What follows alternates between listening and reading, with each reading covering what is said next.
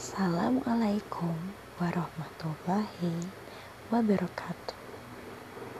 Good morning, students. How are you today? Hopefully, you are all fine and stay healthy. Don't forget to often wash your hands.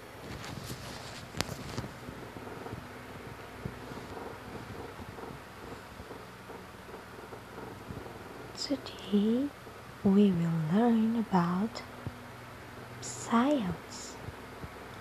Before we learn, it's better to pray first.